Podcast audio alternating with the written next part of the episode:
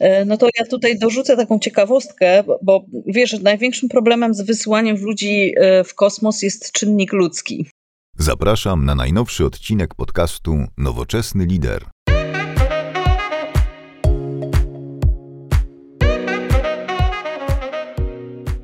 Dzień dobry. Witam Was serdecznie w najnowszym podcaście Nowoczesny Lider, który powstaje akurat ta seria ze współpracy z Free Innovation i nazywamy ją e, Środy z Free Innovation.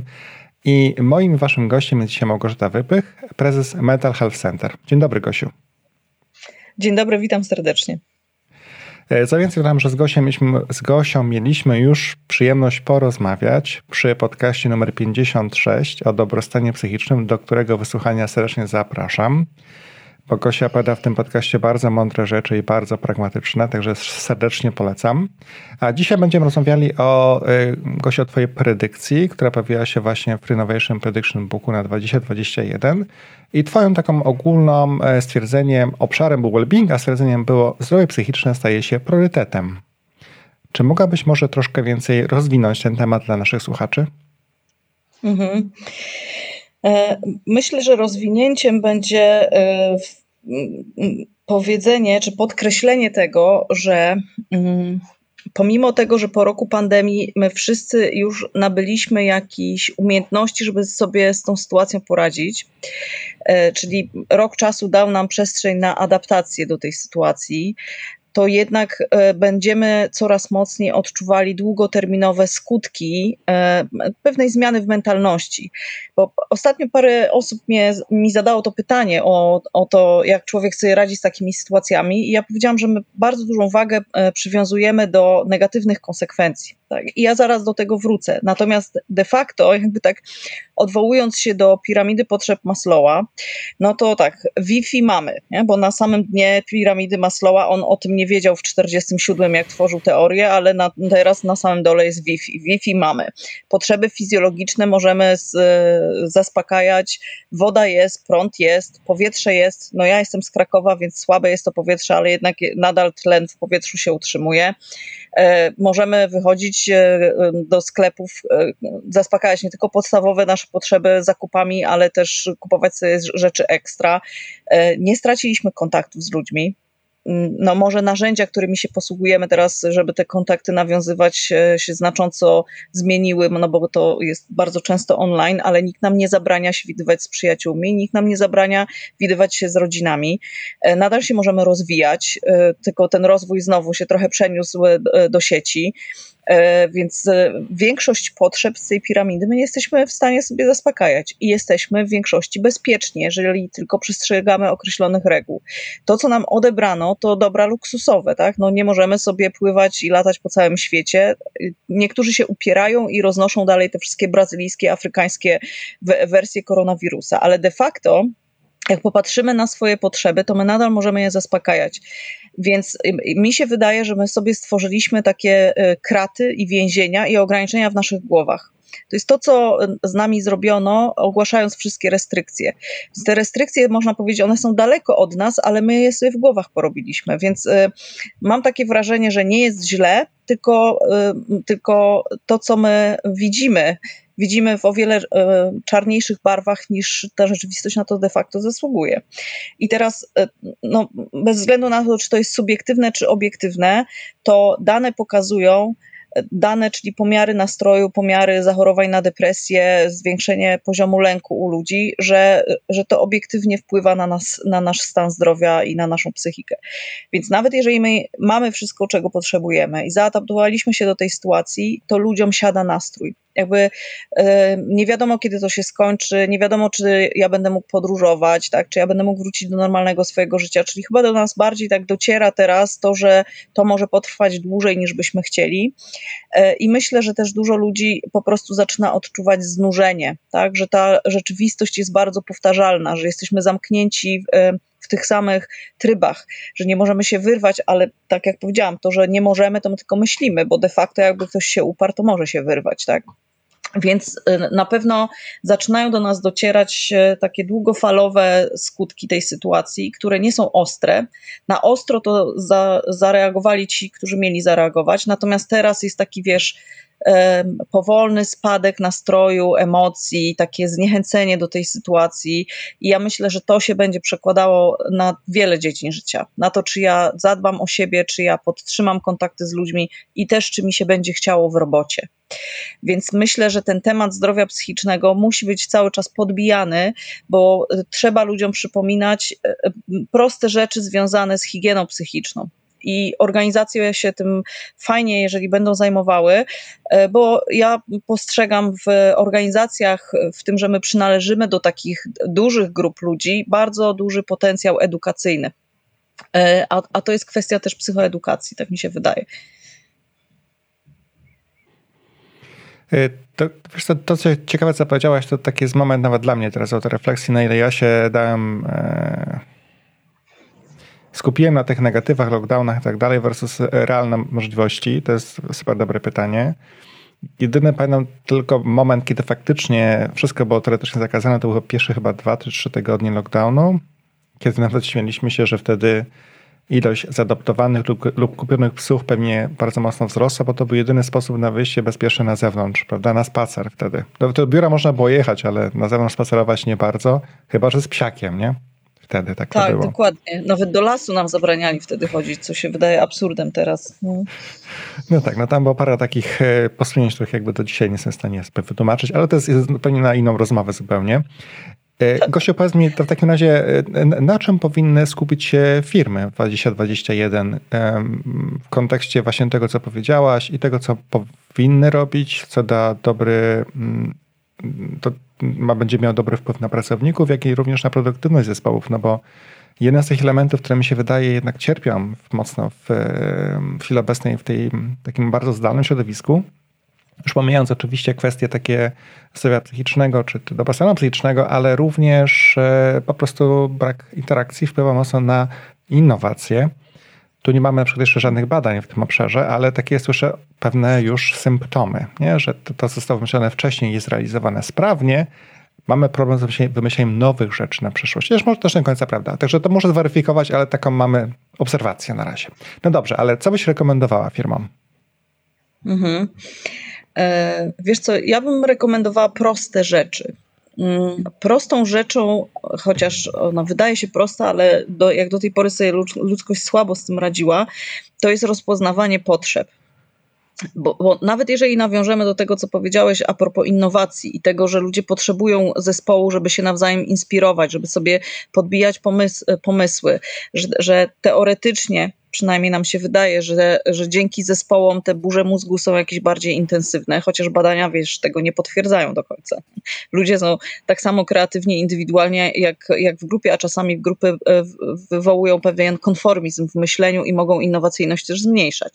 Ale rzeczywiście może być tak, że, e, e, że są osoby, które czerpią inspirację z kontaktów z innymi i to właśnie w taki sposób bardziej nieustrukturyzowany, czyli spontaniczne spotkania spontaniczna wymiana wiedzy, a tego na pewno nam brakuje.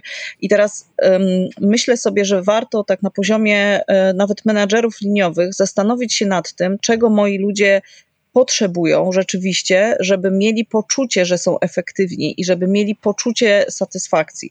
Bo my możemy sobie różne rzeczy mierzyć albo narzucać ludziom jakieś rozwiązania, tak? Jakieś spotkania online, jakąś tam jogę wspólną o 8 rano w środę, jakieś wspólne picie kawy w ciągu dnia, czy wieczorne picie wina online razem, ale to nie zaspokaja potrzeb tych ludzi. To jest nasz pomysł, jak rozwiązać jakiś problem, ale myślę, że warto po prostu zejść do podstawowych pytań.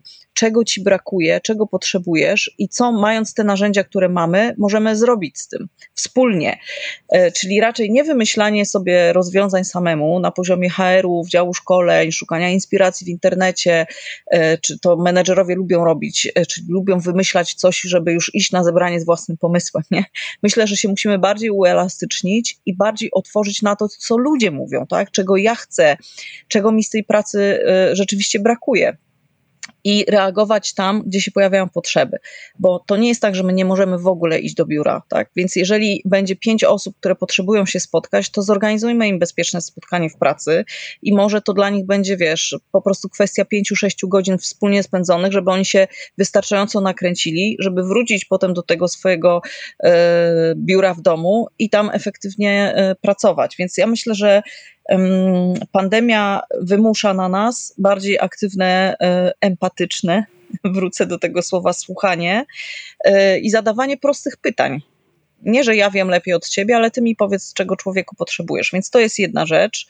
E, druga rzecz to rzeczywiście to, jaki mamy poziom aktywacji, czyli ile ja mam energii, ile mam takich pozytywnych emocji, które podbijają u, u, mnie chęć do wykonywania różnych rzeczy. Czyli tak po prostu, z jaką energią ja rano wstaję, przekłada się na to, e, jak szybko ja robię zadania i jakie mam też um, związki emocjonalne z zespołem, z pracą, z, e, z, tym, um, z tym, co robię na co dzień. I to już jest mocno związane z nastrojem. Więc druga rzecz, którą ja bym e, jakby sugerowała, to żeby wdrożyć różne narzędzia do pomiaru nastroju, ale e, tutaj to jest taki wątek bym powiedziała, trochę niebezpieczny. Bo ja już usłyszałam takie sytuacje, takie historie, że menedżerowie dostali skalę nastroju i mieli je na zebraniach ludziom rozdać i ludzie wy, wypełniali zadania, e, ankietę, czy tam jakiś kwestionariusz nastroju, który jest jakimś tam narzędziem psychologicznym, można sobie ściągnąć coś nielegalnie i co ten menedżer potem ma z tym zrobić, jak on dostaje wyniki indywidualne swoich ludzi? Znaczy, ej, zostawmy to osobom, które są e, kompetentne w tym zakresie. Natomiast monitorowanie monitorowanie e, nastroju na poziomie ogólnym w organizacji i świadomość tego, że są jakieś spadki, pozwala nam zareagować, tak, że ej, słuchajcie, to jest moment, żeby zrobić zebrania i pogadać z ludźmi, co się dzieje. A z drugiej strony, ja też myślę, że, że fajnie by było, gdyby ludzie mogli indywidualnie swój nastrój monitorować, gdybyśmy dostarczyli ludziom takie narzędzia, żeby rzeczywiście cyklicznie, nawet codziennie o określonych trzech porach ktoś na jedno pytanie odpowiadał, tak? Jaki jest poziom twojej, twojej aktualnej energii i żeby każdy indywidualnie widział u siebie ten proces, tak? Więc e, myślę, że warto też na to zwrócić uwagę i to jest akurat, rzucam pomysł tym, którzy nas słuchają, przydałaby się taka aplikacja dla organizacji. Czyli menadżer nie musi wiedzieć indywidualnie, jaki to ma wynik, nie? ale pracownik, jak wie i może to monitorować, no to już e, jakby świadomość zwiększa szanse, że ja coś z tym zrobię potem. Takie mam pomysły dwa, co by można było zrobić. Zastanawiasz się, widzę, jakie pytanie mi zadać w związku z tym. E, bo mówię, poruszyłaś tu bardzo dużo ciekawych wątków w ogóle w, w, tym, momen, w tym momencie, bo jakby nawet patrząc na różne rynki, różne uwarunkowania prawne. W Wielkiej Brytanii, e, jeśli masz chyba firmę 100 plus osób, to chyba jesteś zobowiązana do robienia takich badań plus czekowych organizacji. To jest jakby wymóg, wymóg prawny. Oczywiście kwestia doboru, jak to robisz, to jest twoja sprawa, ale, ale jakby jest wymóg. Także to jest kwestia też budowania takiej kultury. Na drugi bardzo ważny element, jakby co robisz z wynikami, no bo badanie plus czeku bez podjęcia akcji jest w chwili obecnej bez sensu, no bo ludzie przestaną odpowiadać na jakiekolwiek pytania, jak nie będzie się w ogóle, w ogóle tego nic działo. To pytanie o energię jest ciekawe, bo jakby to jest pytanie, jak się czujesz po prostu dzisiaj.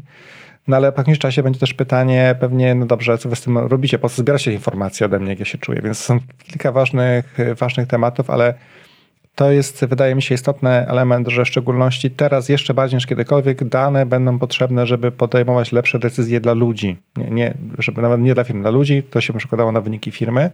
Bo kiedyś to był tak zwany e, te, te testowanie w kuchni. Na przykład jak miałem swoje spotkania, takie w większości były dla tysiąca plus pracowników, no to w sali było maksymalnie z 80 czy tam 100, taka była pojemność. Na, na online było pewnie kolejnych 600-700. Więc kuchnia była takim dobrym miejscem, poszłaś szłaś i pyta, pytałaś się, jak poszło, jak tam było, czy usłyszałaś coś istotnego, prawda? Czy to było dla ciebie mm. ważne? No i dużo, bardzo dużo osób szczerze odpowiada na takie pytania, jak ich spytasz, nie? No dzisiaj takich możliwości nie mamy, więc no i też takie patrzenie nawet na, wiesz, na mowę ciała, na, na twarzy ludzi. W ogóle rozmowa z nimi na różne tematy no, jest w chwili obecnej mocno utrudniona, także takie dane ja bym naprawdę szczęśliwy, gdybym je miał, powiem szczerze, u siebie w organizacji. Mhm. To było istotne. E, no to ja tutaj dorzucę taką ciekawostkę, bo wiesz, największym problemem z wysyłaniem ludzi e, w kosmos jest czynnik ludzki. E, I e, tak jak e, aktualnie na ISS siedzą astronauci, to oni mają kontakt z Ziemią, to jest opóźnienie kilkuminutowe, mogą codziennie sobie zadzwonić do rodziny i z nimi porozmawiać, ale jak ich wyślemy na Marsa, to już będzie gorzej z taką komunikacją. No więc NASA od lat ma Human Project i zastanawiają się, jak zadbać o tych astronautów w kosmosie. I oni na przykład mają potęż, potężne maszyny już, Artificial Intelligence, do analizowania słów, których e, używają astronauci w dzienniczkach. I oni mają obowiązek prowadzenia dzienniczków i no, są słowa klucze plus i analiza liczby tych słów, zabarwienia emocjonalnego tych słów, które są w stanie z dnia na dzień wyłapać spadek nastroju u tych astronautów. To jest jedna rzecz. A druga rzecz to są maszyny, do kamery do obserwacji mikro, mikroekspresji emocjonalnej, bo też bardzo szybko spadek nastrojów widać w tym, że mięśnie na twarzy stają się mniej ruchliwe. Więc ja się nie zdziwię, jak za moment będziemy już mieli nasze komputery podłączone do kamer, które będą nasz nastrój monitorować.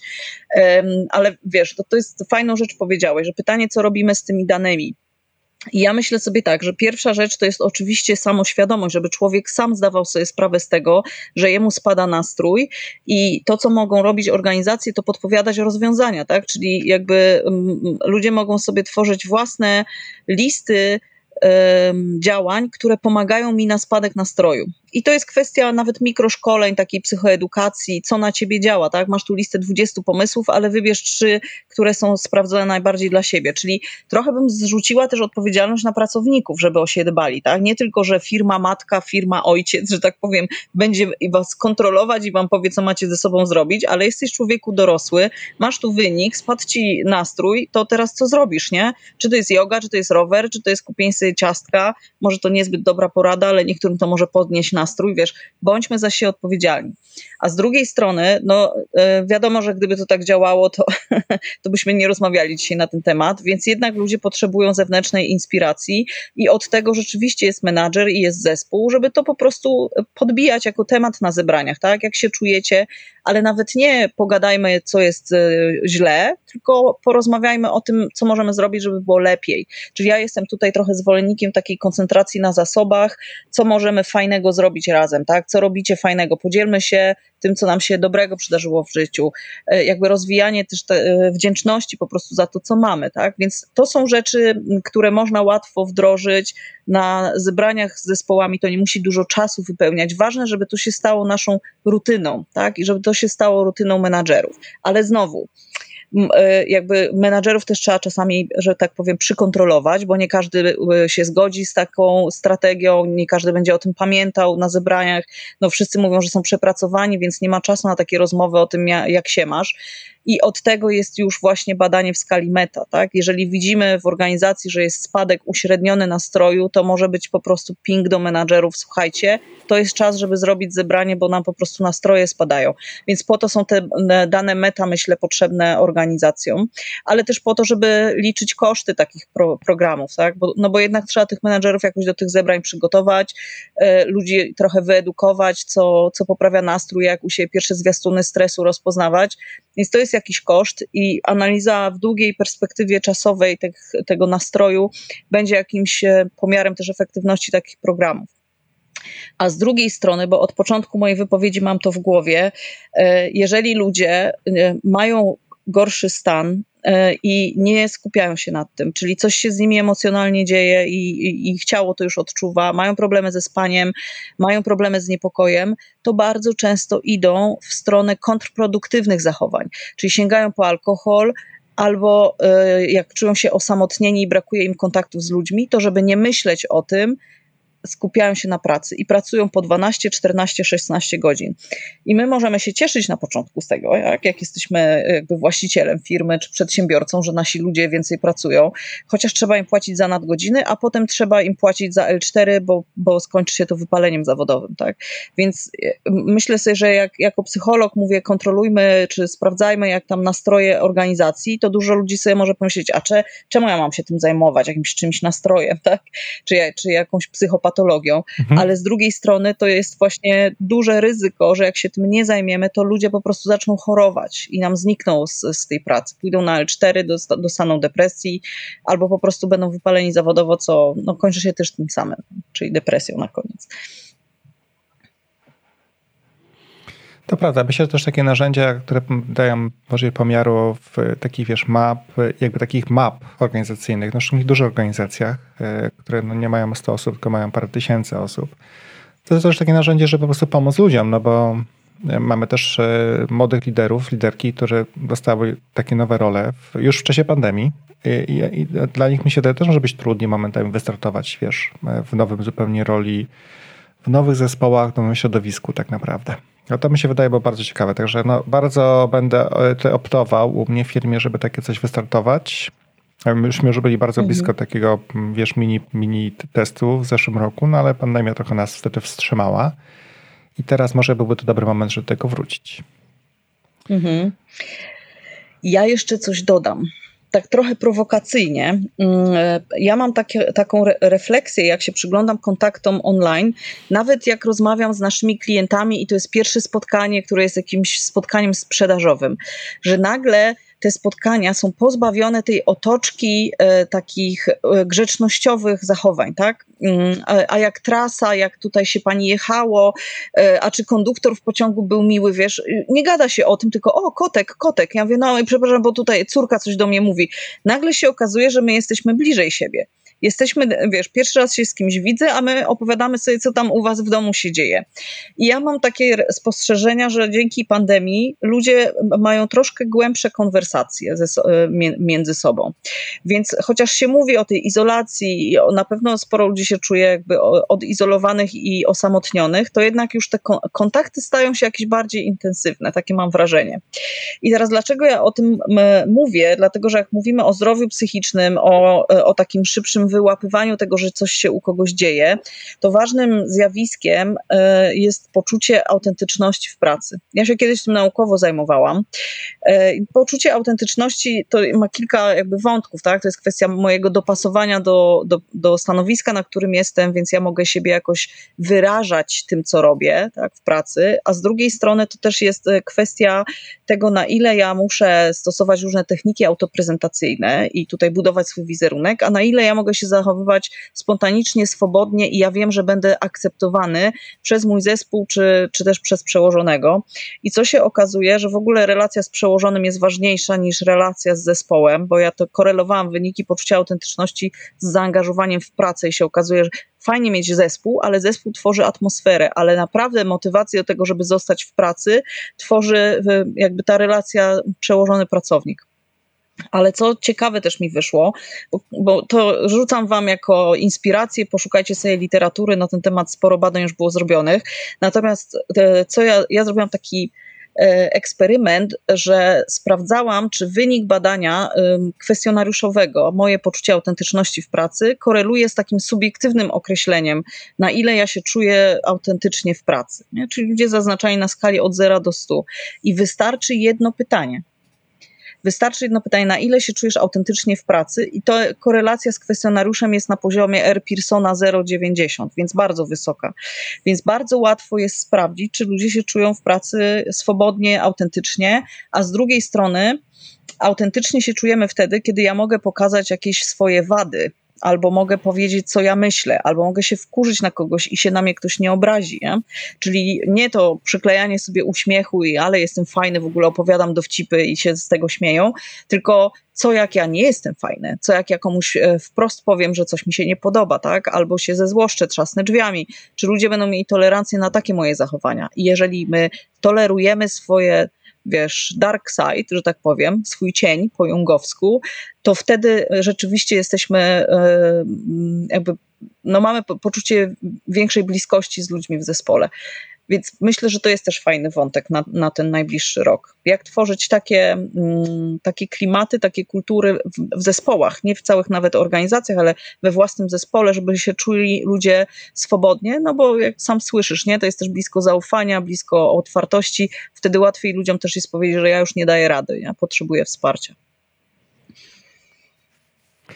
Ja, ja też tak uśmiechnąłem, bo chciałem, wyobraziłem sobie tę sytuację, jak ja tutaj siedzę w tym moim pokoju, ktoś mnie wkurza, ja wychodzę sprzed kamery, trzaskając drzwiami. To, to byłoby chyba moim zdaniem, przyszłoby do historii firmy. Jako pierwsze tego typu zachowanie.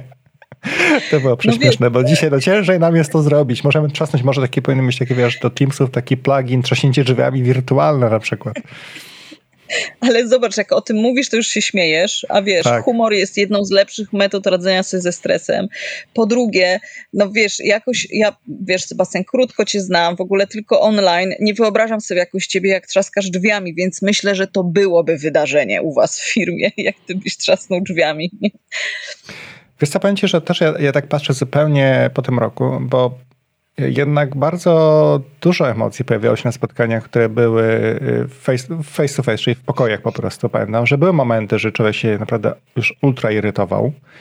A teraz po tym roku jakoś okazuje się, że nie wiem z czego to wynika, może nie wiem z czego to wynika, bo mamy włączone kamery i tak dalej, że jakby ten poziom jednak tych takich emocji jest mniejszy, powiem ci szczerze, takich tych negatywnych emocji, no czy negatywnych, czy po prostu tych takich, wiesz, bardziej nieprofesjonalnych, jak to się czasem mówi w firmach, więc to jest ciekawe bardzo. Sam się na tym łapię, że po tym roku jakby wszyscy się uspokoili troszkę. Wiesz, tak online mhm. pracując. Tak, tak myślę przynajmniej, tak jak rozmawiam z ludźmi, to wszyscy są jacyś trochę mniej podminowani wbrew pozorom po tej pracy takiej zdalnej, wiesz? Mhm. Wiesz co, ciekawe jest to, co mówisz, ale no, ty odczuwałeś, że to po prostu w pandemii się jakieś nasilenie takich emocji zaczęło na początku, a teraz spadło? Czy nie, w ogóle nie. przed spadło... pandemią ludzie też się...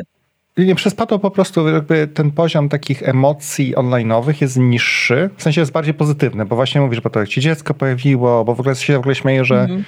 w czasie pandemii w życiu nie widziałem tylu domów i tylu członków rodzin e, najróżniejszych ludzi, na przykład twojego kota teraz widzę w tle, to było nienormalne, nie? Kiedyś, wiesz, jakby no, miałeś mhm. takie dziecko, które było wirtualne, ktoś tam mówił, mam Jasia, Zosię, Zbysia, tak naprawdę, a dzisiaj Zbysiu nagle wpada ci na spotkanie i tata musi coś zrobić, tak? Czy mama musi coś zrobić w tym, tym spotkaniu i, i koniec kropka. I to jest zupełnie normalne, także mi się wydaje, że tak się trochę te spotkania jakby trochę uspokoiły, no nie wiem, powiem ci jak to wytłumaczyć, ale jakby dużo mniej takich, wiesz, emocji negatywnych mhm. się pojawia.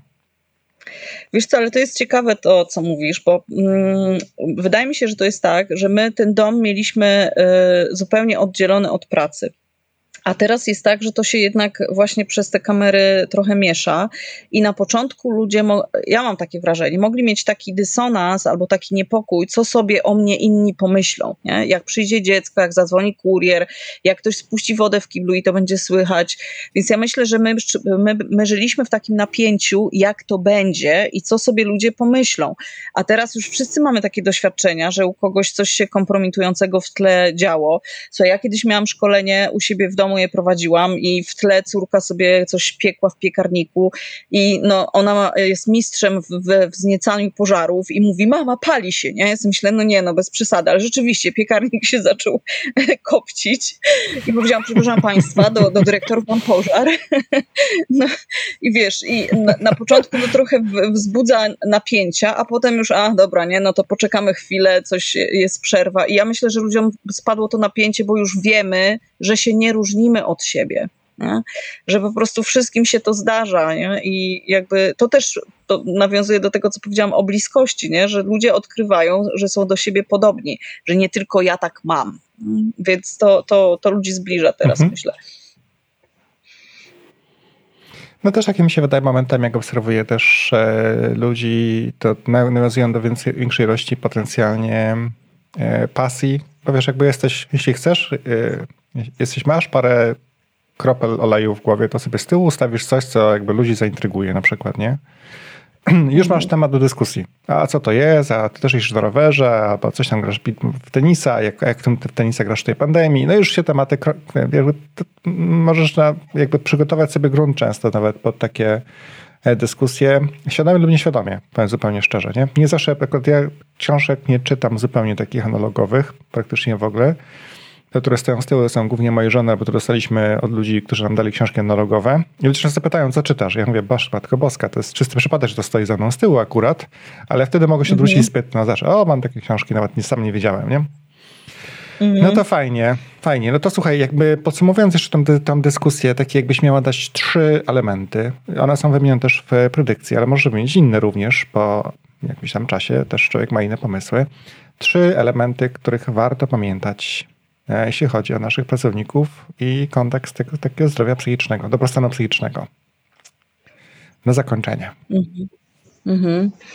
E, pierwsza rzecz to ja się chyba powtórzę, bo to mówiłam e, i, i dzisiaj, i, i, wcześniej też, mhm. E, żeby weszło nam w nawyk pytanie, co dla siebie zrobisz, żeby odpocząć. To jest bardzo ważny element naszej higieny psychicznej. Drugie pytanie, E, czy, czy drugie zadanie dla, dla organizacji to jest tworzenie przestrzeni do rozmawiania o tym, co jest trudne dla pracowników. To nie muszą być bardzo intymne rozmowy, to nie musi być opowiadanie historii swojego życia, ale to, że pracownik poczuje, że ma przestrzeń również w zespole czy z menadżerem, żeby przyznać się do tego, że no, no, nie radzi sobie, jest bardzo ważnym e, zadaniem. Czyli trochę też to jest budowaniem zaufania. E, I mm, Trzecia, e, trzecia rzecz, no jako psycholog powiem, bo to też jest dla mnie bardzo ważne, żeby żeby organizacje pamiętały, że są czynnikiem kulturotwórczym. I jeżeli chcemy, żeby ludzie dbali o swoje zdrowie psychiczne, to organizacje też odpowiadają za to, żeby w, tej, w tym obszarze pracowników edukować. Więc jakby dostęp do takiej wiedzy e, jest też ważny. Wiesz, dziękuję Ci bardzo, Gosiu, za, za podsumowanie. Ja myślę też, że powtarzanie to trzy parę razy ma, ma, sens. Myślę, nie wiem, to, to, ktoś kiedyś powiedział, że pewne rzeczy trzeba powtórzyć kilkanaście razy, zanim się ludzie utrwalą się w głowach tak naprawdę.